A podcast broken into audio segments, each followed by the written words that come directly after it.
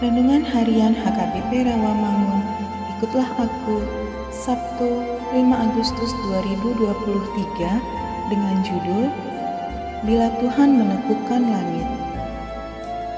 Bacaan kita pada pagi hari ini tertulis dalam Injil Markus pasal 6 ayat 7 sampai 13 dan bacaan kita pada malam hari nanti tertulis dalam 1 Korintus pasal 1 ayat 1 sampai 9. Dan kebenaran firman Tuhan yang menjadi ayat renungan kita pada pagi hari ini tertulis dalam Mazmur pasal 144 ayat 5 yang berbunyi Ya Tuhan, teguhkanlah langitmu dan turunlah, sentuhlah gunung-gunung sehingga berasap Demikian firman Tuhan. Sahabat, ikutlah aku yang dikasihi Tuhan Yesus. Mazmur ini dikenal dengan nyanyian syukur Raja Daud. Dia mengaku bahwa Tuhan itu adalah gunung batunya. Tuhan, dialah yang mengajar tangan Daud untuk bertempur, sekaligus mengajar jari-jarinya untuk berperang. Tuhan adalah tempat perlindungan dan kubu pertahanan baginya, kota benteng dan penyelamatnya perisai dan tempat berlindung. Dengan berbekalkan semua itulah Daud menundukkan bangsa-bangsa di bawah kuasanya. Itulah kuasa Tuhan yang hebat di satu sisi. Di sisi lain, manusia itu sesungguhnya adalah seperti angin.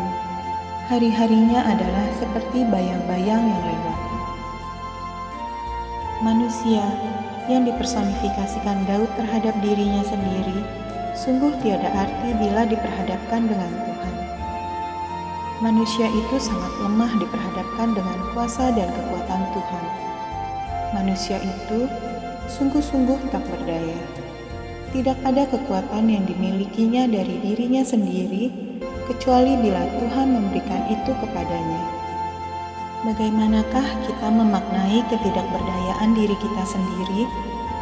Sebagaimana dengan Daud, marilah kita mohon agar Tuhan menekukkan langitnya, lalu turun menyentuh gunung-gunung sehingga berasap.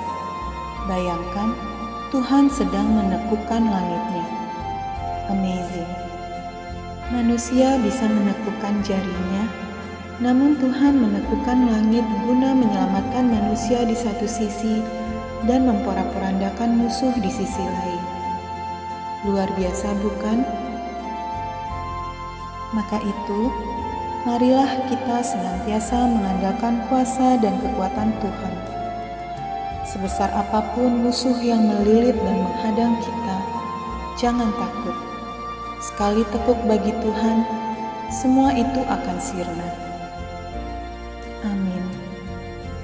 Mari kita bersatu dalam doa. Ya Tuhan, kuasamulah yang senantiasa kuandalkan dalam hidup ini.